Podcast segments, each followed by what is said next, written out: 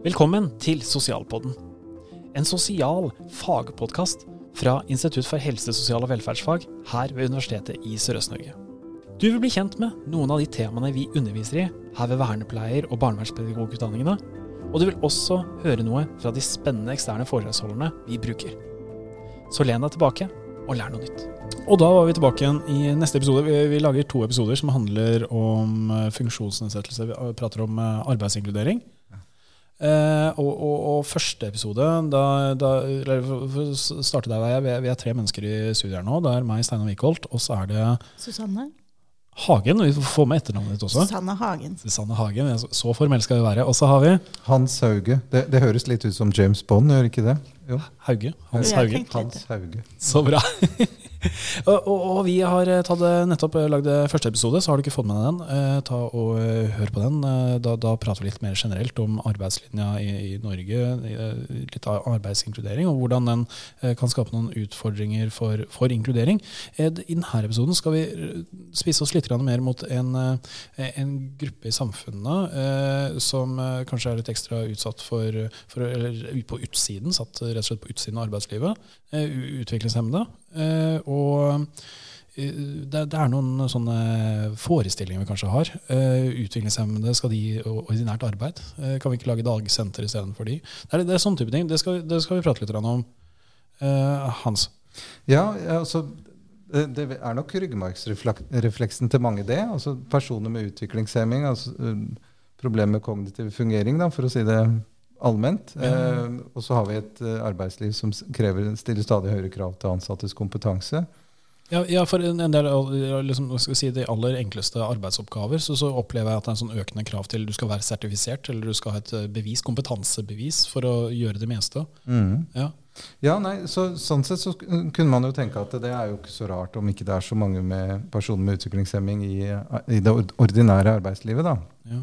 Men det, men det, passer jo veldig veldig dårlig med politiske ambisjoner nå sammenhengende fra 1990 og, og fram til nå. da, Vi snakker om 30 år og vel så det.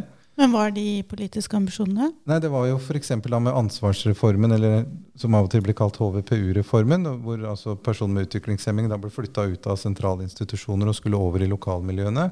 Så var jo En del av den reformen var jo en ambisjon om at de også da skulle ikke bare bo i lokalmiljø, men også jobbe der. altså At man skulle få til arbeidsinkludering i det ordinære arbeidslivet. Så det lå jo der.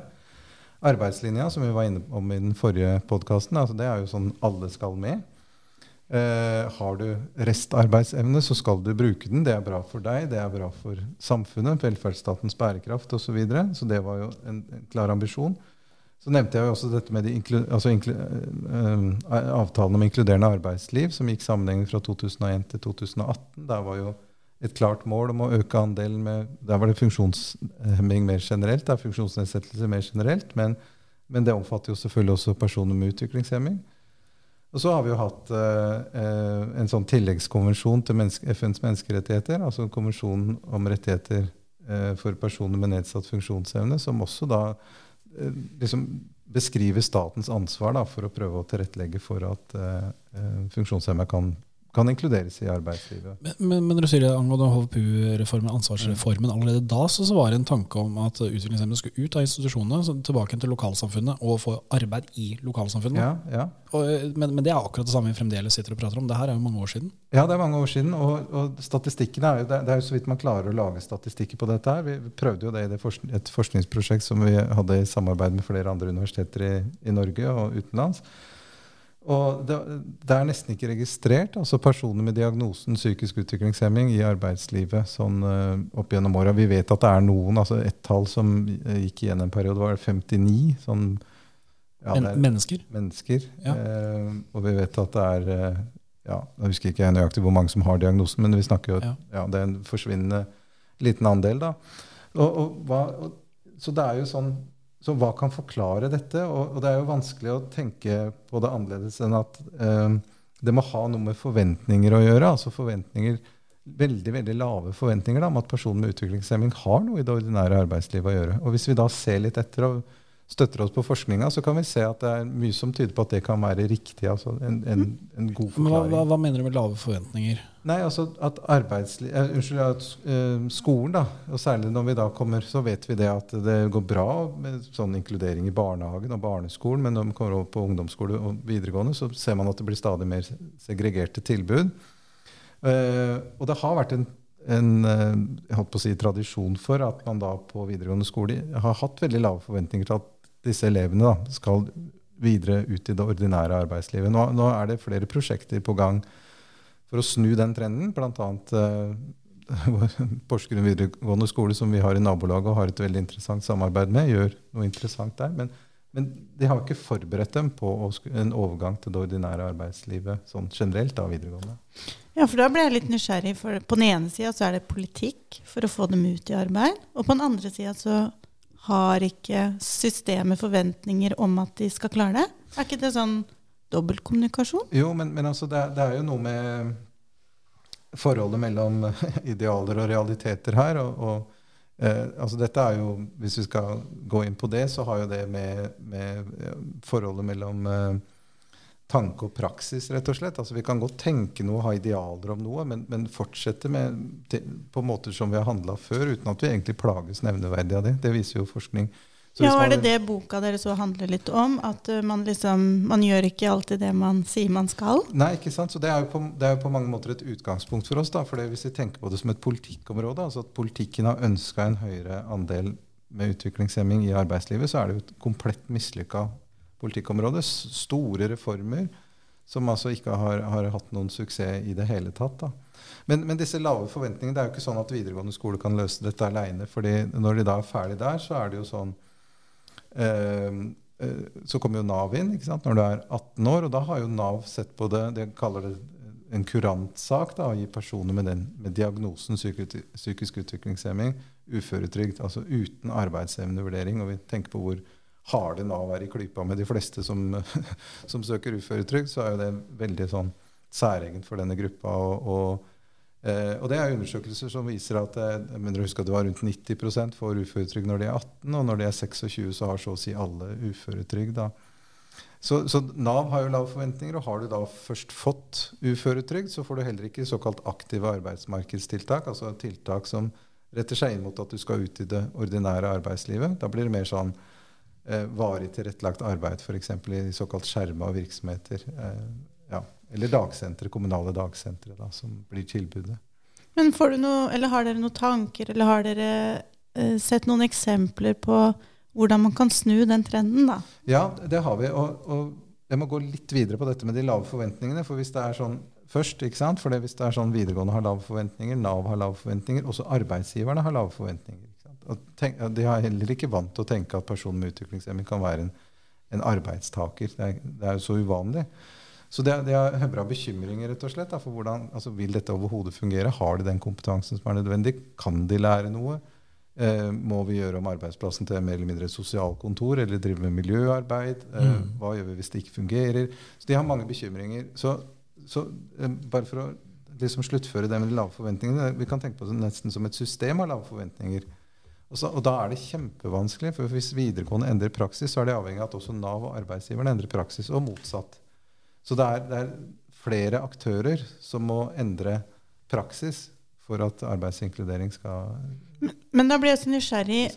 Veit de ulike institusjonene, da, eller de ulike sektorene, eller hva skal vi kalle dem, videregående og Nav og arbeidsplassen, veit? er de seg bevisst at de har lave forventninger, eller er det bare en sånn internalisert Ligger det i ryggmargsrefleksen?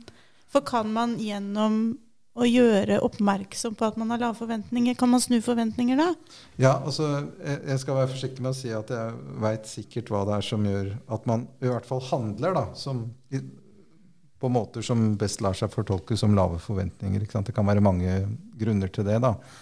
Men jeg tror at det ligger som en sånn eh, ligger i kulturen nærmest, altså ligger i historien vår. altså Når arbeidslivet først ble etablert da, eh, med industrialisering og sånt, det falt jo sammen i tid da med Ok, da ble jo det gjelder jo personer med funksjonsnedsettelser generelt. Det er jo da funksjonshemming blir et, eh, disability blir et begrep i det, hele, i det store hele. For altså man er disabled, da, funksjonshemma, i forhold til arbeidslivsdeltakelse. Det er jo hele clouet å se det opp mot muligheter til å bidra eh, skal vi si, optimalt, da, produktivt, i, i arbeidslivet.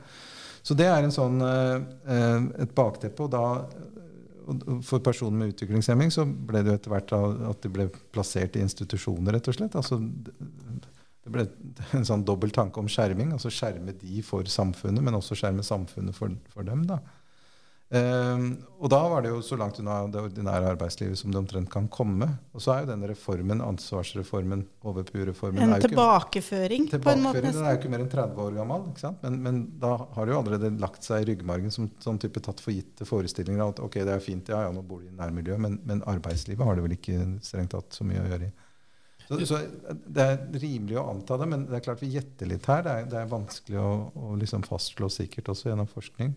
Nei, det var en ting som jeg kom inn på her. Det, da, når du prater om funksjonsnedsettelser, det gjorde vi i første episoden også. Men, men det, det, finnes jo en eh, rekke forskjellige typer funksjonsnedsettelser. Eh, mm. Noen av de enkleste man bruker briller, f.eks., så mm. da har du funksjonsnedsettelse, og så kan du få briller. Eh, og så har du f.eks. tilrettelegging under universell utforming, rullestolbrukere. Da tilrettelegger du for at en god del arbeidstakere kan ha en funksjonsnedsettelse. Men så begynte jeg å lure på, er det sånn at vi har fått et sånn skille opp gjennom tida, på, kanskje pga. HVPU-reformen? Jeg tenker kognitiv funksjonsnedsettelse. Det er noe annet. holdt jeg hvor, hvor er arbeidsgivere ekstra skeptiske til å skulle tilrettelegge for en sånn funksjonsnedsettelse av den kognitive arten? At det er et stigma rundt det, noen tanker rundt det? Ja, og, ja, og, og bekymringer da, ikke sant, for, for, hvordan håndterer man dette her, da. Altså, ja. Uh, altså jeg tror helt sikkert du kan ha, ha rett i det, altså at det er noe sånn særeget for de med kognitive funksjonsnedsettelser. Men uh, igjen da, hvis vi ser på historien, så viser den på mange måter det samme. altså Svenske historiske undersøkelser fra 1800-tallet viser at det suverent uh, hvis du da sammenligner eh, altså mer sånn fysiske funksjonsnedsettelser, sensor, altså mer sånn på gangfunksjon og sånne ting, da, med sensoriske og med kognitive, da, og så er det en til som jeg nå glemmer i farta. Um, men i hvert fall du sammenligner ulike typer funksjonsnedsettelser. altså det, suverent, de som gjorde det suverent dårligst også i bondesamfunnet, da, for å si det sånn, var de med kognitive funksjonsnedsettelser, og i særdeleshet menn. da. Okay. Det var en sånn veldig klar kjønnsdimensjon der også. Så, så det, det, er, det, er, nok noe med personer med utviklingshemming som Altså den type funksjonsnedsettelse som er kanskje oppleves som spesielt utfordrende for, uh, for arbeidslivet også. Det en, men det er kanskje uttrykk for en nå, nå spekulerer jeg, altså. Ja, ja. Eh, men, men, la oss si, for, for tittelen på episoden nå skulle det også handle om liksom, sosialt entreprenørskap eller innovasjon. Kanskje, hvor, hvor, er løsninga?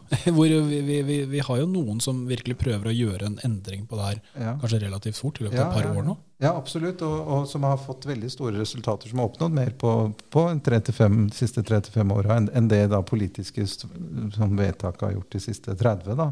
Ja. Eh, så det er jo veldig interessant at det, det, viser seg å faktisk være mulig. Og, eh, og, med sosial innovasjon så kan vi jo tenke litt sånn generelt på det som å samarbeide om å utvikle løsninger på sosiale problemer. Man samarbeider på tvers. Så Helt Med, da, som er et navn på en sosial virksomhet, har jo det mye som en idé så de tar utgangspunkt i alle de bekymringene som de har eksempelvis i videregående skole. Liksom, hva slags type kompetanse kan de egentlig få, dokumentere? Eh, aller mest arbeidsgiverne. Hva er deres bekymringer? Hva er det de ser på som utfordrende med å ansette noen med utviklingshemming? Eh, og eh, fagforeninger, eh, Nav. De jobber med ulike aktører og litt sånn smøre hjula. Da, sånn at alle har egentlig lyst til å få det til. Men det er vanskelig. Ingen kan, de kan få det kan få det til aleine. Men ved å få til dette samarbeidet da, så viser det seg at man da klarer å få skapt jobber eh, som personer med utviklingshemming kan ha og fungere godt i. Så det det er liksom et sånn perspektiv på hva de gjør. De, de, liksom får folk som gjerne vil få det til, til å samarbeide, og så skaper man eh, nye jobber. Men så er det en ting som er veldig interessant, hvis jeg kan fortsette på det. For det de da gjør, er egentlig å normalisere det å være i arbeid. Altså det, er det som er litt clouet.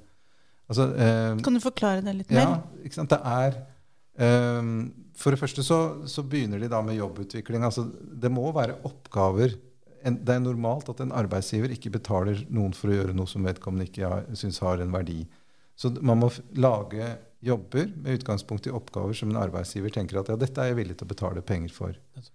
Så du skaper en jobb på den måten, såkalt jobbutvikling. Så lyser du ut den jobben. Eh, men det er et søknadskriterium at du har eh, psykisk utvikling eller kognitive funksjonsnedsettelser. Det er litt forskjellig hvordan man da Men, men det er liksom retta mot målgruppa. Skreddersyr, Du skreddersyr, stillingen til på en måte den gruppa. Ja. Mm. Og så må de lage søknader som de sender inn. Og så eh, må de stille til jobbintervju med arbeidsgiver.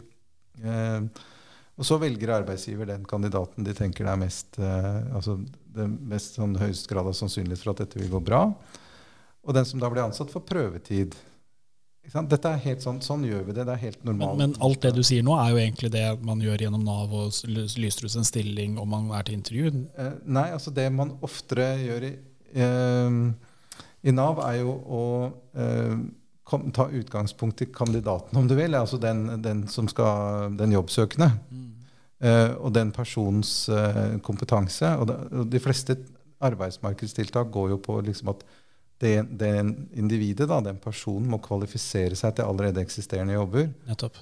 Uh, mens her tar de motsatt utgangspunkt. Da? De tar utgangspunkt i arbeidsplassens arbeidsgivers behov. Og så skaper de jobben. Og så lyser de ut og søker da kandidater. Så de snur på en måte rekkefølga. De tar utgangspunkt i arbeidsgiver mer enn en i jobbsøker. Da.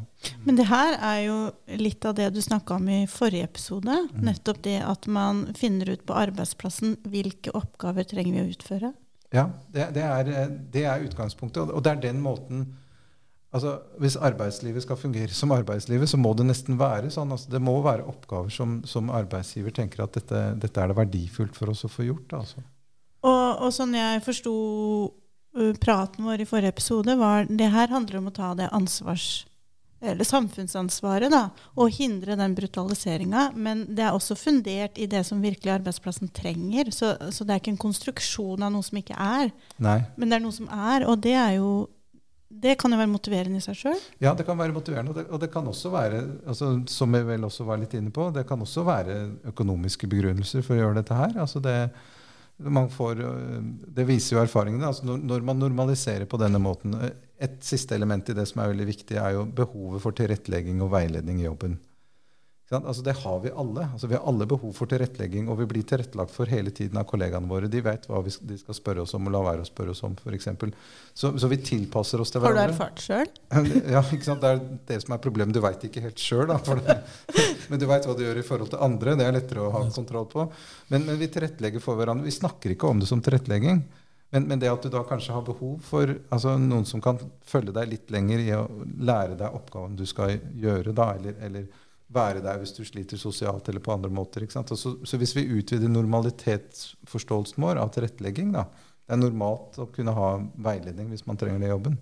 Jeg, jeg liker det perspektivet ditt veldig, fordi vi har jo en arbeidsmiljølov som gjelder alle, og som handler om at alle skal ha det godt på jobben. Og skal ha eh, helsefremmende og meningsfylte, et eh, meningsfylt arbeidsliv. Da. Og der alle har jo krav på det. Det er jo lovfesta tilrettelegging.